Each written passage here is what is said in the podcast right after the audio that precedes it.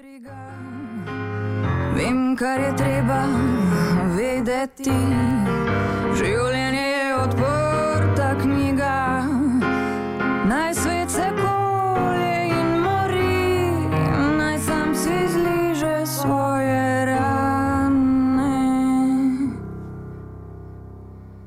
Nič več ne maram slišati ne kvarite mi kembane. Največ je vreden mir, največ je vreden mir.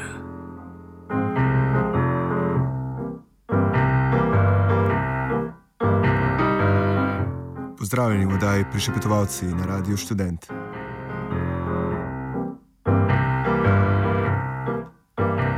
Student. razglasitvi izidov evropskih volitev, od katerih na koncu sploh nismo več ničesar pričakovali, se je vendarle pokazalo, da se v polju politike tudi takrat, ko so napete vse reakcionarne sile, vendarle lahko nekaj zgodi. Če odštejemo Karla Rjavca in SLS, so bili ob izidih vsi pomalem kisli. SDS je zmagala, a ni triumfirala na način, kot je pričakovala. Novi Sloveniji ali natančneje njihovi SDS-ovski liniji ni uspel trik, da bi ob asistenci SLS prišla do treh svojih poslancev. Šoltes je prišel v parlament, a hkrati je že malo slutil, kaj se mu obeta. Mencinger je spoznal, da ga je polomil, in Lukšiču je postalo kristalno jasno, da v politiki nima več kaj iskati. Na drugi strani pa je Združena levica skoraj prišla do svoje evroposlanke.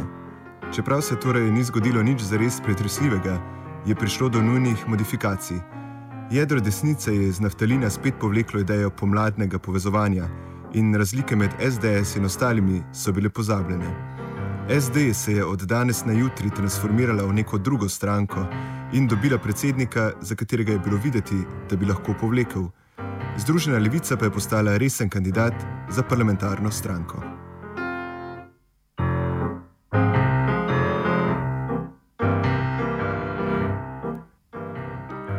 Skratka, videti je bilo, da še tako zminimiziran dogodek, kakršne so bile evropske volitve v Sloveniji, vendarle lahko deluje kot intervencija v situacijo.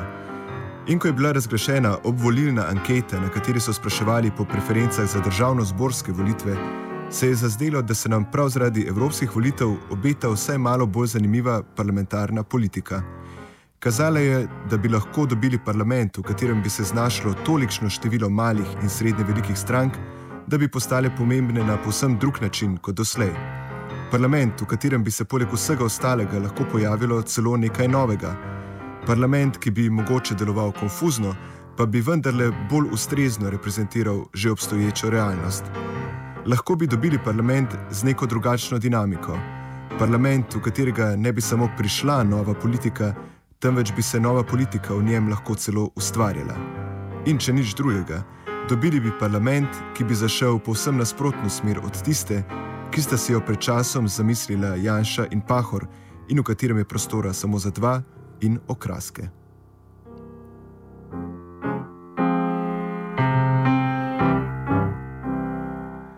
A ker nimamo sreče, da bi se naša politika odvijala v materialni realnosti, se je na isti obvolilni predvolilni anketi z drugim najboljšim rezultatom znašlo še neko ime takrat še neustanovljena in neimenovana stranka Mira Cerarja.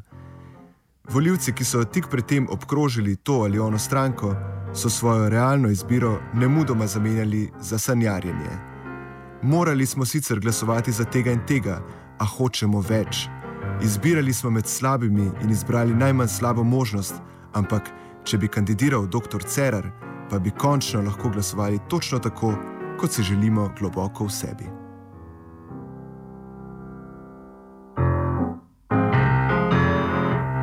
Takšni voljivci so torej v isti gesti najprej afirmirali realnost. Situacijo so vzeli takšno, kakršna je. Med ponudbo, ki so jo imeli na voljo, so pač nekaj izbrali in se pač nekako odločili.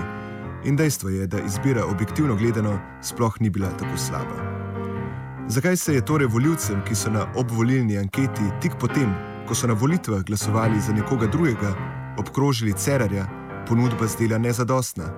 Kaj sploh hočejo? Je to poštenost, je to neokrnjenost, je to moralnost, vrednote?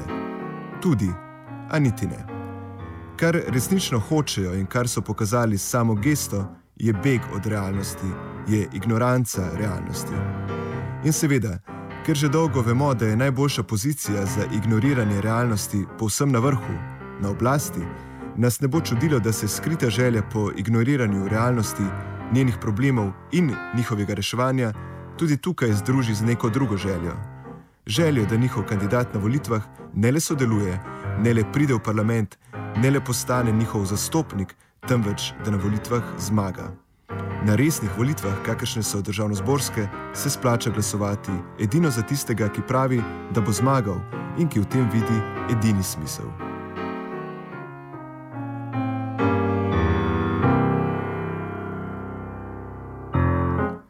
Odločitev za Cererja nikakor ni iracionalna izbira, temveč je stvar identifikacije. Ljudje so v Cererju prepoznali sebe, poštenjaka, ki ga realnost sicer izjemno skrbi, a v njej noče ničesar vedeti. Tako kot to vrstni pošteni voljivci se tudi Cerer pretvarja, da se v zadnjem letu in pol ni zgodilo popolnoma nič. Pretvarja se, da ne opazi novih strank, pa čeprav jim občasno ukrade kakšno idejo. A ne le to. Pretvarja se tudi, da ne opazi nikakršnih premikov znotraj že etablirane politike. Obnaša se, kot da se nam ne bi zgodila premijejka, za katero še pred nekaj leti nihče ni niti slišal, pa vendar na svoji funkciji ni bila niti za kanček slabša od svojih predhodnikov. Skratka, pretvarja se, da se nič ni zgodilo ne zunaj, ne znotraj parlamenta in vlade. In ker se ni zgodilo nič, se mora zdaj v enem mesecu zgoditi vse. Naporno samoorganiziranje, naporna izgradnja kolektivnih teles, naporne intervencije v politično situacijo same zase ne štejejo nič. V situacijo, pravi Cerar, lahko interveniramo samo tako, da na volitvah zmagamo. Pa čeprav o tem, kakšna bo intervencija, ne vemo še nič.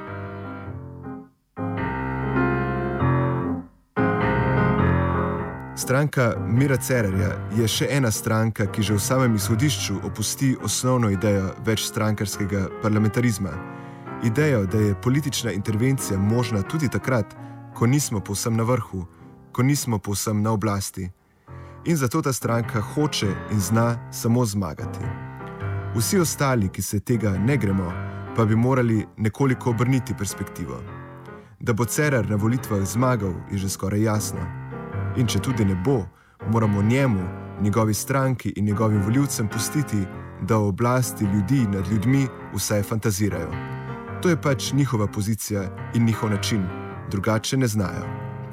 A če bi nove stranke že pred časom opustile sanjarije o vse ljudskosti protestov, če bi že pred časom zmanjšale prevelika pričakovanja in opustile prazne upe, se Cerar ne bi mogel zgoditi. Prav ti prazni in nerealizirani upi so najboljša hrana prazne politike.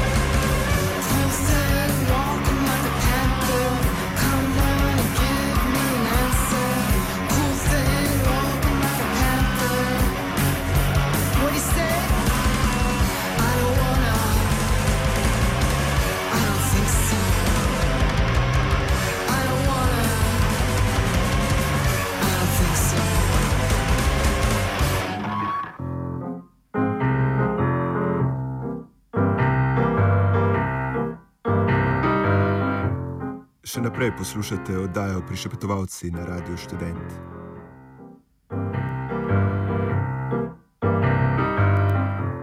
Čudno. Prav ta teden gre morda resnično v zapor Janez Janša in pričakovali bi, da bomo razmišljali o njem, se zgražali ob odzivih njegovih braniteljev v zboru za republiko in se držali za glavo ob volivnem programu, ki so ga v SDS predstavili na začetku kampanje. Pa nič od tega. Tudi Boris Vezja, ki prihaja na vrsto zdaj, Janša skoraj ne bo omenil. Bo pa govoril o solidarnosti, o razlogih za njen neuspeh, o težavah s povezovanji in o nedavni odločitvi za sodelovanje s socialnimi demokrati. A vendarle, prva tema je spet Miro Cerar. Bi, ti rekel, da je pojav Mira Cerarja tako čisto v nekem tako, uh, zares uh, širokem smislu nek politični dogodek za Slovenijo? Seveda je, mislim, je političen dogodek zato, ker je pokazal, na kakšen način se dogaja to, o čemer pravim, sam psihopolitika, se pravi, kako se počne politika z psihološkimi sredstvi. Meni se zdi, da če kaj značilno za fenomen Mira Cerar je to, da je na nek način pokazal, da se lahko dobi volitve a, na način, da ustanovi stranko tik pred tik pred volitvami, čeprav smo že vsi bili prepričani, da se ne more ponoviti fenomen Jankoviča in Viranta. Torej, vsi smo bili prepričani, torej, vsi smo verjeli, da to, kar se je zgodilo Jankoviču, se na nek način skoraj ne more ponoviti. Um, no, zdaj se dogaja ravno to, ne, da sta recimo Cerar in Šolte ustanovila svoje stranke nekaj tednov pred volitvami prvemu kaže izrazito dobro, drugemu pa kaže na popoln polom, kar je tudi res. A, ampak, če pogledamo samo Mira Cerere, se zdi, da to je svojsten fenomen, še zlasti, če primerjamo Cerere in Jankoviča. Namreč Jankovič je leta 2011 nesporno zmagal iz dveh razlogov. Prvi je bil antijanšizem, se pravi, kako pa enotiti levico proti Janši.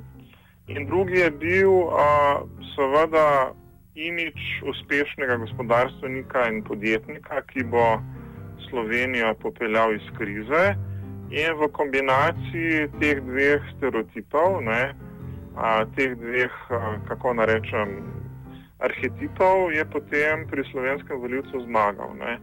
Cerar, zanimivo, ne počne nič od tega.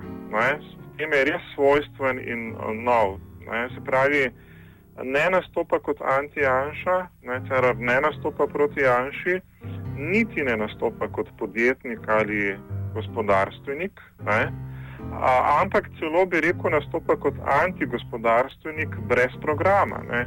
To, kar postaje pri njem konstitutivno a, za njegov uspeh, je, da ne predstavi svojega programa. Ne. Predostavi najbrž, domnevamo, na neko čisto moralno avtoriteto, ki slika moralen razkroj v državi, ne, stavi na pozo držo neke vrste moralnega pridigarja in to je, je očitno dobitna kombinacija. Se pravi, to, kar je zares frapantno, je, a, da na levici, pa seveda ne samo na levici, več ne šteje tisti, ne, ne šteje in ni zmagovic tisti, ki bi stavil na program, bi. Uh, pri katerem bi stavili, da je dober gospodarstvenik, eh, niti ne šteje antijanšizem. Cerar je neka popolnoma tretja sui generis eh, zgodba, ki ponuja morala v čisti obliki in to je res fascinantno.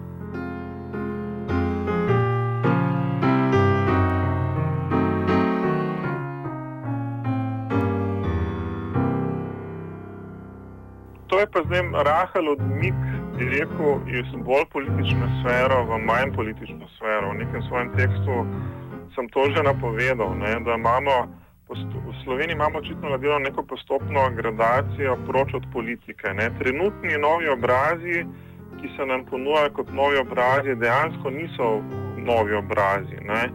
Konstitutivno za njihov uspeh je, da kot novi obrazi že funkcionirajo kot prepoznani, latentno prepoznani stari obrazi, se pravi, imajo neko rahlo zvezo in povezavo z politiko, ne, biti predsednik računskega sodišča, biti sodelavec državnega zbora, biti politični komentator, vse to sta Šoltes in Cerar kot recimo prototipa novih obrazov bila. Ne, a, ampak ta zveza s politiko še vendarle obstaja. Ne. Če leta 2011 obstajala tesna zveza za politiko pri Jankoviču in Virantu kot novih obrazih, ki sta bila uspešna, vse sta oba bila dejansko politika, ne, uh, sta v polnokrvnem smislu, kot rečeno, Cerar in Šoltes nekaj drugega. Ta zveza za politiko še vedno na rahli ravni obstaja. Najbrž če, če gremo po tej poti dalje, bo na naslednjih volitvah bodo zmagovali stari obrazi, ki ne bodo imeli popolnoma nobene zveze z politiko, recimo, da bodo iz področja športa, estrade, a, morda podjetništva, čistega in tako dalje. Ne. To je zdaj neka umestna situacija, se mi zdi. Ja, neka zveza s politiko je, hkrati pa ni premočna. In trenutno je ta zveza še pomembna, ne, zato da ljudje nekomu podajo legitimnost. Ne. Videli pa bomo, kako se boste obnesli. Kot rečeno, uh, zaradi afer šolti so že zelo hitro pohajajo moči ne, in se zdi, da ne bo naredil dobrega rezultata na teh volitvah, da, da se je njegova karijera tako rekoč morda že končala. Po, tednu ali dveh, medtem ko CRV še vedno strajno rastejo rejtingi.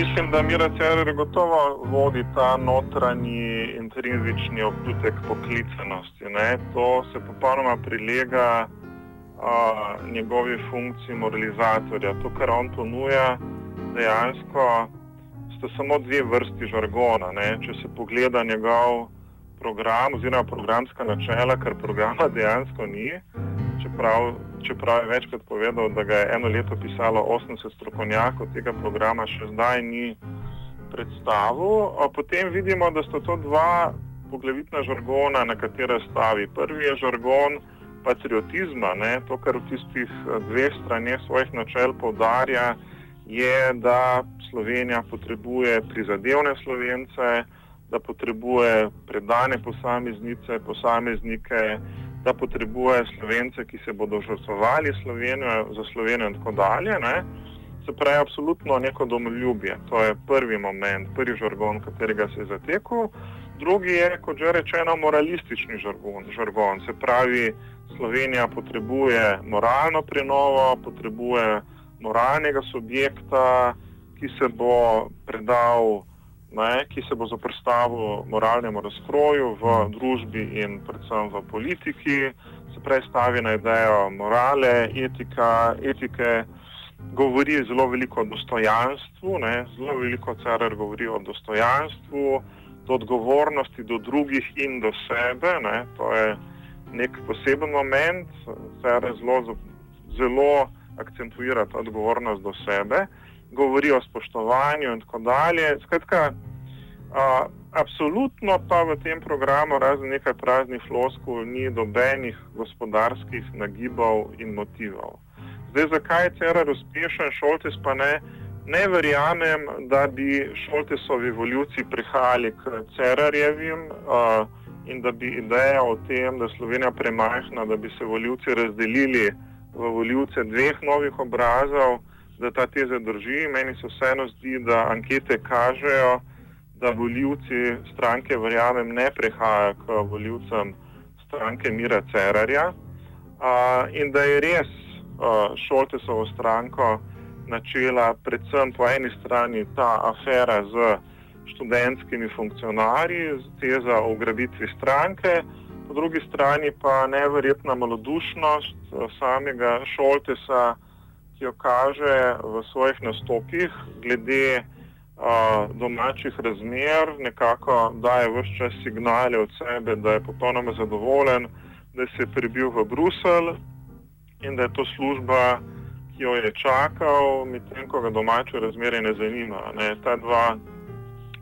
kombinacij, ti dveh a, dogodkov ali pa signalizacij sta bili tisti, ki sta šolte se zdaj naredili za zelo majhnega in nekoga, ki preprosto več ne vleče.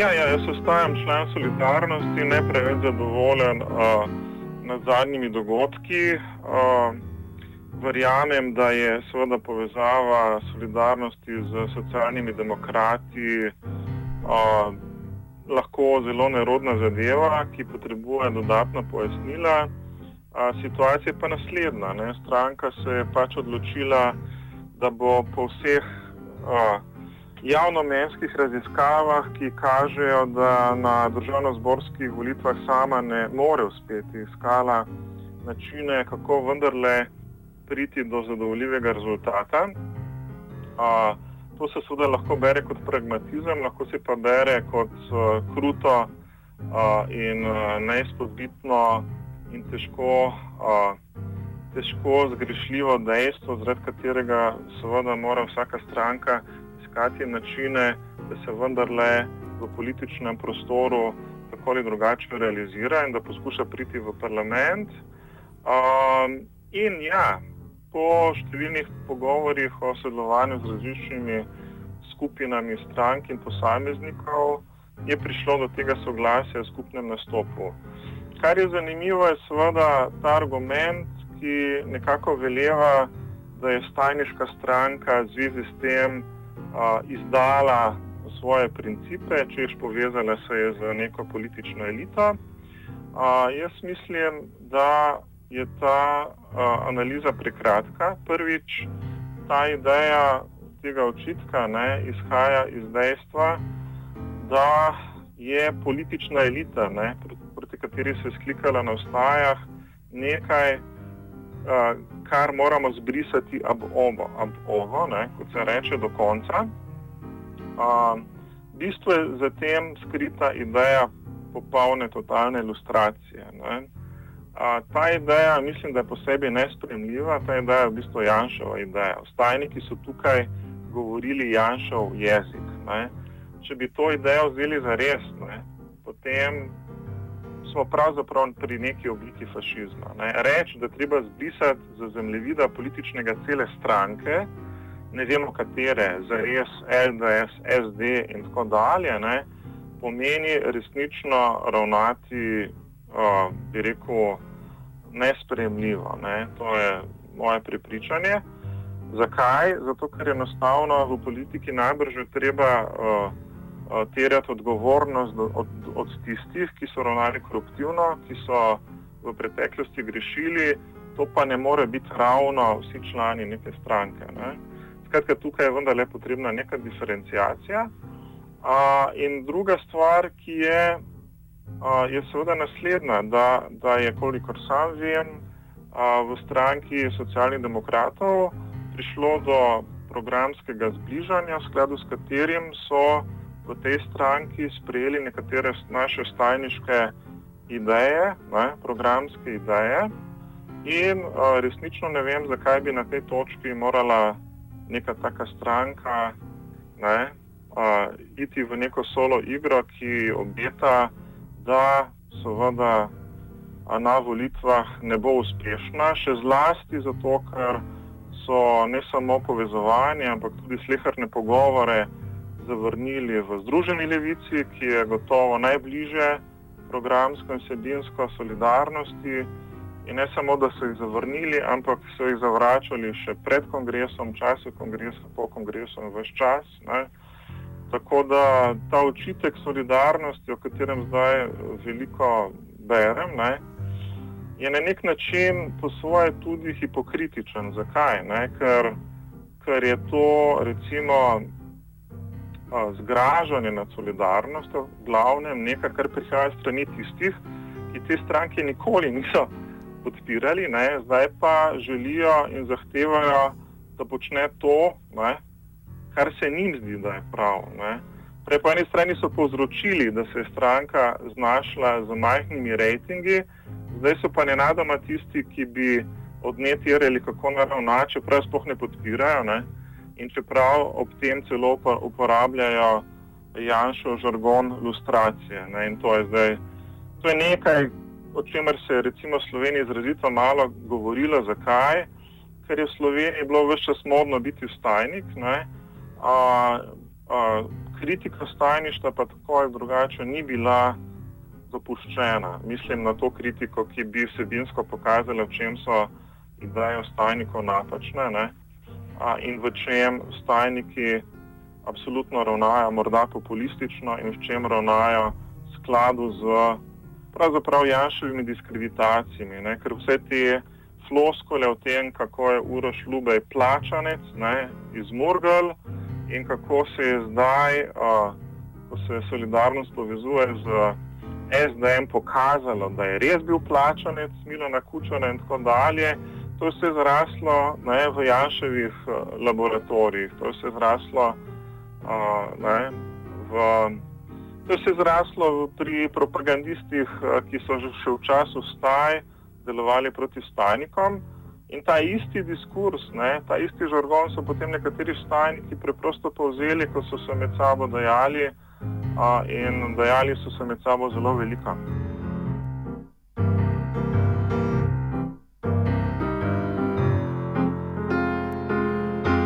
kar je moj očitek Združeni levici, če smem povedati, je seveda to, ne, da, uh, da ta utopistika, ne, utopistika radikalne spremembe ne, ali pa radikalnega preloma v socializem uh, enostavno učinkuje, kako bi rekel, perverzno, ne, času neprimerno. Se pravi, ljudje nimajo, če, to je moj argument, ne, ljudje nimajo česa živeti, ne, se pravi, preživeti je treba iz dneva v dan. Uh, in enostavno ni mogoče čakati na revolucijo, na rešitev. Rešitve, ki so, morajo biti proizvedene takoj. Ne.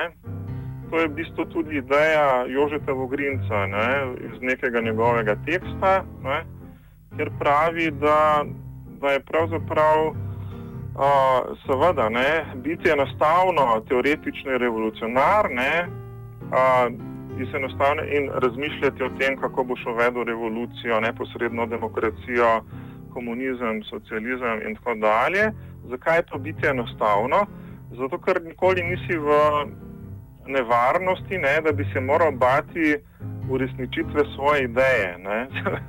Se pravi, ideja o tem, da je ne, tvoja ne, da je ta avtopistika postavljena tako zelo visoko, da smo vedno lahko varni, ne, da se ne bo uresničila. Ne. Se, pravi, se pravi, če postaviš zelo visoko te zahteve, potem pravzaprav na nek način si. Uh, Uh, te same ideje ne morejo groziti. Zakaj? Ker nikoli ne morejo biti izpolnjene, ker tisto, kar je za res unheimlich, je, da bi bile izpolnjene. Ne?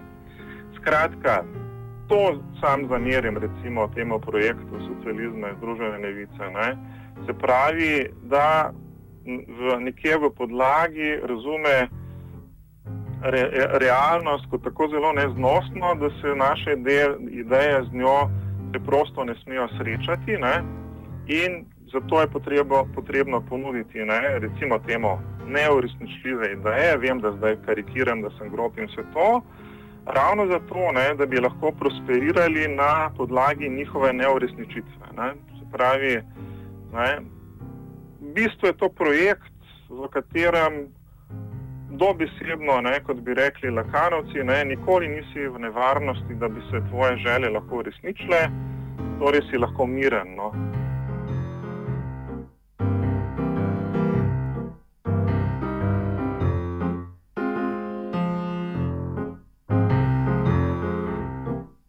problem solidarnosti, pač v, v javne podobe solidarnosti je bila neka romantika protestov za me, uh, ki je bila v bistvu. Prihaja do nekega neskladja med, med v bistvu precej racionalnim uh, jedrom, teg, pač, uh, programskim in tako naprej, uh, in mislim, z nečim, kar, kar je bilo že tako rekoč narejeno za združitev z SD tega tipa, jasno, da ne bo pomote, ne? mislim, skratka, z neko prenovljeno SD, in na drugi strani te v bistvu eh, javne manifestacije v, v, na kongresnem trgu, ki so izgledale smešno.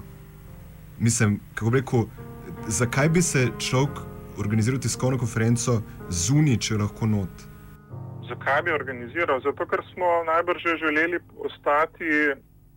Torej, bom, bom povedal iz enostavnega razloga, ne? ker ni bilo prostora, ker nismo imeli lastnih prostorov, ker je ker je solidarnost kot stranka dejansko delovala, kako naj rečem, brez finančnih zmožnosti, brez recimo temu stricu z ozadja.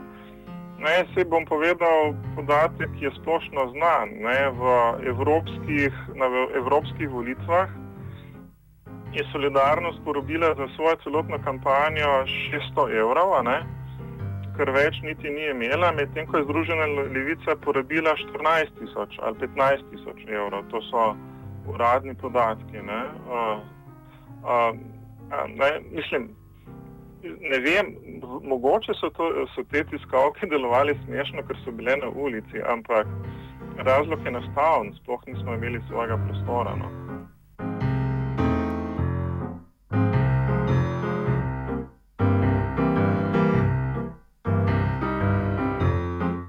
to se mi zdi pač na eni strani argument, ampak spet lahko šok obrne.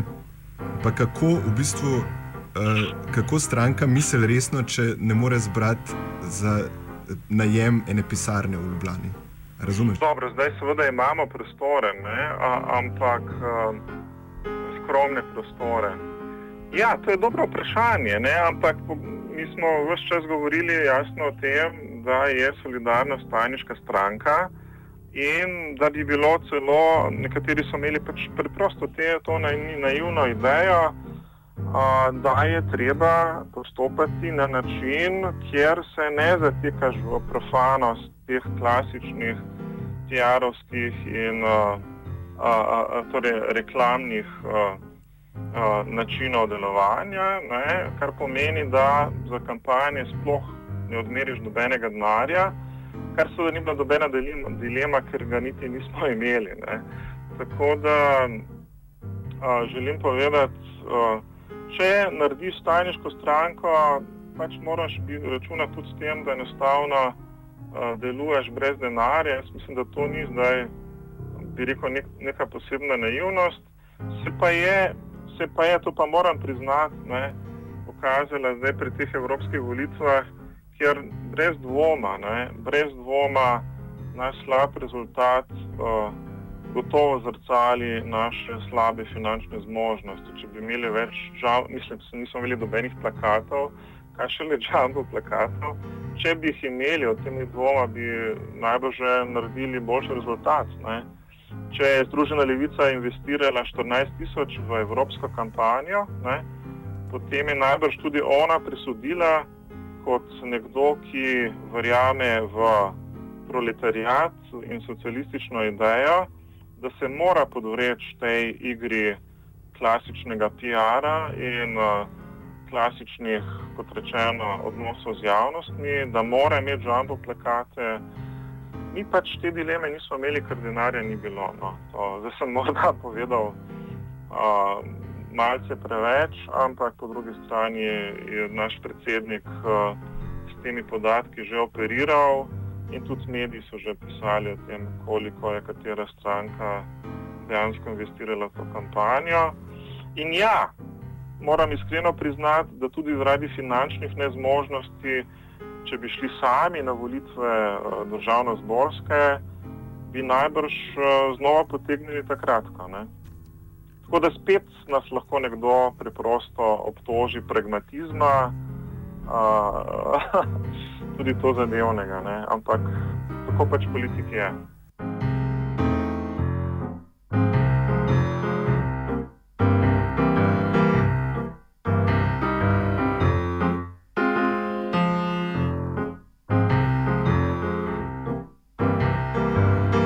To, kar mi pričakujemo, oziroma ja, kar mi pričakujemo od socialnih demokratov, je, da se da posvojijo ideje o tem, da je treba preganjati tiste, ki so na nedokazan način pridobili premoženje, da je treba na nek način inkorporirati v, v politično delovanje idejo ljudske nezaupnice, prečasnega odpoklica politikov in podobno. Ne. Skratka, to je nekaj, za kar se zdi, da pod židom, ker tu je pa zdaj še en moment, ki se seveda v tem hit, hitrostnem uh, sovraštvo in pljuvanje po solidarnosti spet spregleda, je ta, da je seveda le nekaj tednov nazaj tudi SD stopila na pot neke prenove, ne, zamenjala je svojega predsednika, stavi na Dejana Židana, nekako se zdi, da želijo iti skozi nek moment katarze. Ne, in predsednike solidarnosti, pa vodstvo solidarnosti je kolikor vem, seveda tudi ta moment prepričal. Ne. Treba se zavedati, a, da smo v solidarnosti bili na bojni nogi z Igorjem Lukšičem. Ne. In treba se zavedati, da je Igor Lukšič, kolikor vem, se popolnoma maknil iz prvih vrst a, pri socialnih demokratih, a, niti ne kandidira, recimo na teh volitvah in podobno. Ne.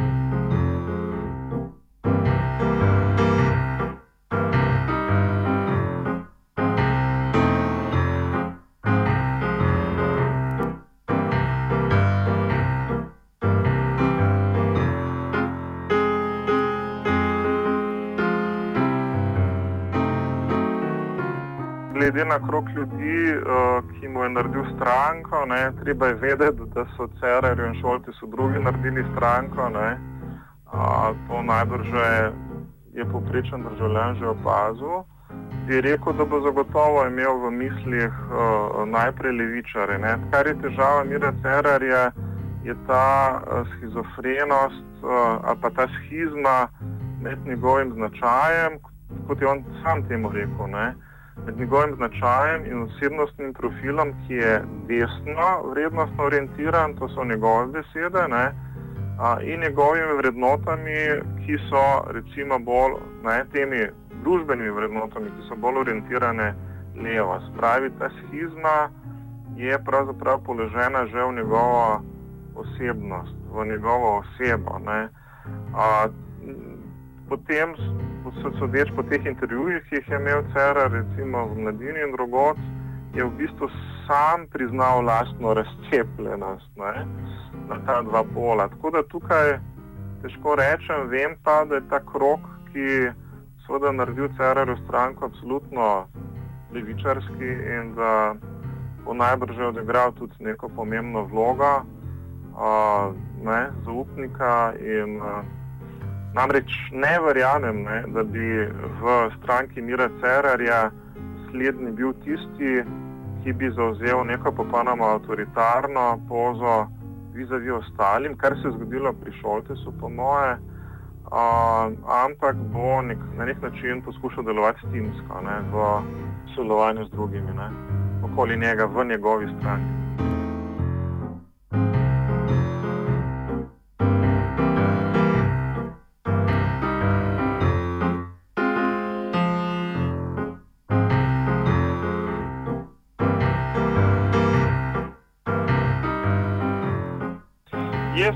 Osebno se težko znadim občutka, da je Mira Cerar nekdo, a, ki se ni, bi rekel, avtonomno odločil za to, da bo stopil v politiko, ampak da je stopil v politiko na podlagi ne, prepričevanja nekega kroga ljudi, ki se jim je zdela to zanimiva ideja in prepričljiva ideja.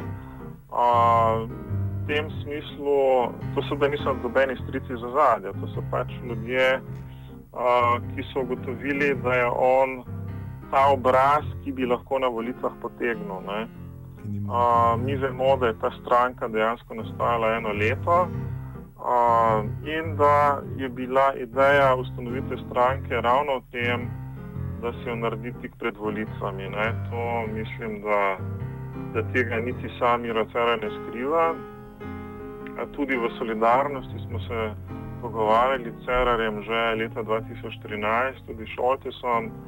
Mimo grede v solidarnosti smo, preden smo šli na kongres, dejansko poskušali narediti zelo široko fronto povezav in smo še pred kongresom, se pravi, naj, več kot pol leta, uh, govorili z zelo različnimi uh, sogovorci, posamezniki, stajniki, staniškimi skupinami in podobno ker smo si naredili, želeli narediti uh, recimo temo močno politično fronto.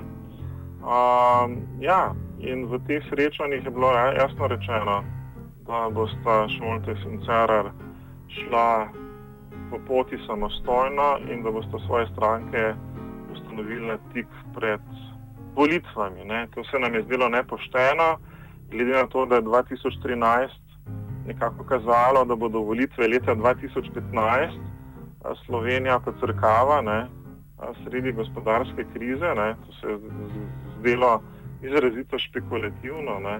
Če, če nekdo, ki reče kaj takega, najbrž uh, ne misli iskreno z reševanjem Slovenije. Ne. Če reče, bom šel na volitve, ampak en mesec pred uh, volitvami, ne, ko bom imel kongres svoje stranke. Skratka, Zdi se nekako, da, da so to vse projekti, ki so bili preračunani na to, da nastanejo a, tik pred volitvami. A, enostavno je očitno ta a, arhetip ne, Jankoviča in Virenta a, bil tako močan, ne, da, igralci, da so ti no, novi igralci sprejeli to igro v skladu s katero verjamejo, da ni mogoče uspeti v Sloveniji na drug način, kot da ustanovi stranko tik pred zdajci. In potem se je pa, zdaj, kot ste videli, ne, v juniju res zgodila ena neverjetna situacija, ko so kar tri stranke bile uh, narojene v roku enega tedna, ko so skratka se ti isti igralci zakalkulirali, in so skoraj da prepozno šli ustanavljati svoje stranke, glede na svoj začetni načrt. Ne. Tako da so morali skrajno hiteti, a, tako rekoč a, je šlo za vprašanje dni. In dobili smo, kar smo dobili, ne, novo stranko Lenke Bratuše, ki gre šolti se in mira Cerarja.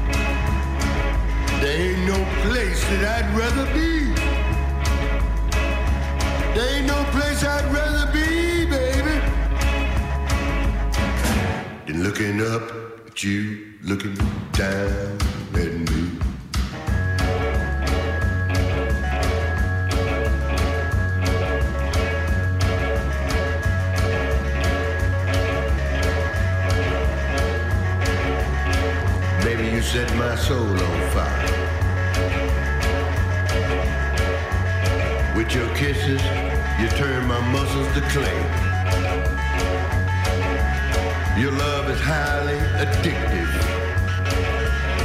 And I gotta have it every day. Cause there ain't no place I'd rather be. There ain't no place I'd rather be. Ain't no place I'd rather be than looking up at you, looking down at me.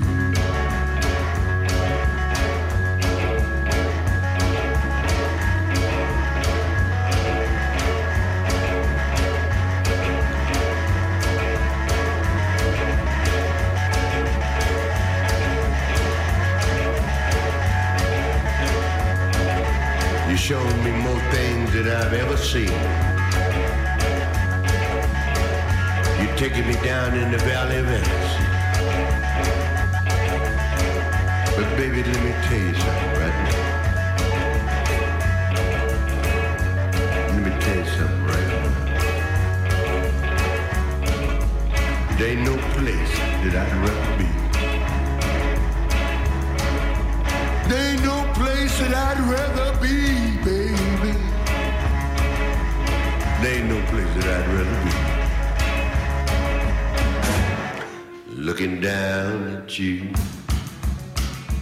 looking up at me.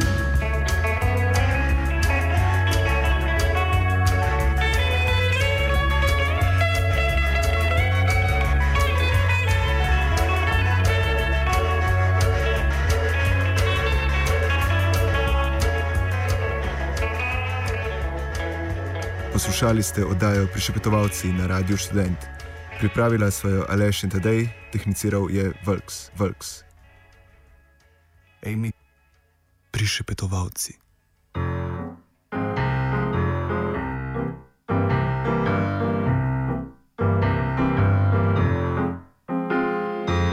Želim živeti a brez skrbi in tuja stiska me ne briga.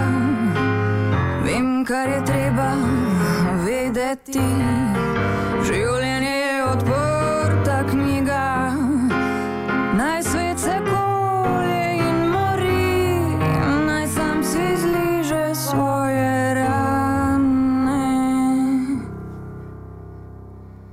Nič več ne maram slišati, ne kvarite mi kembane. Največ je vreden mir, največ je vreden mir.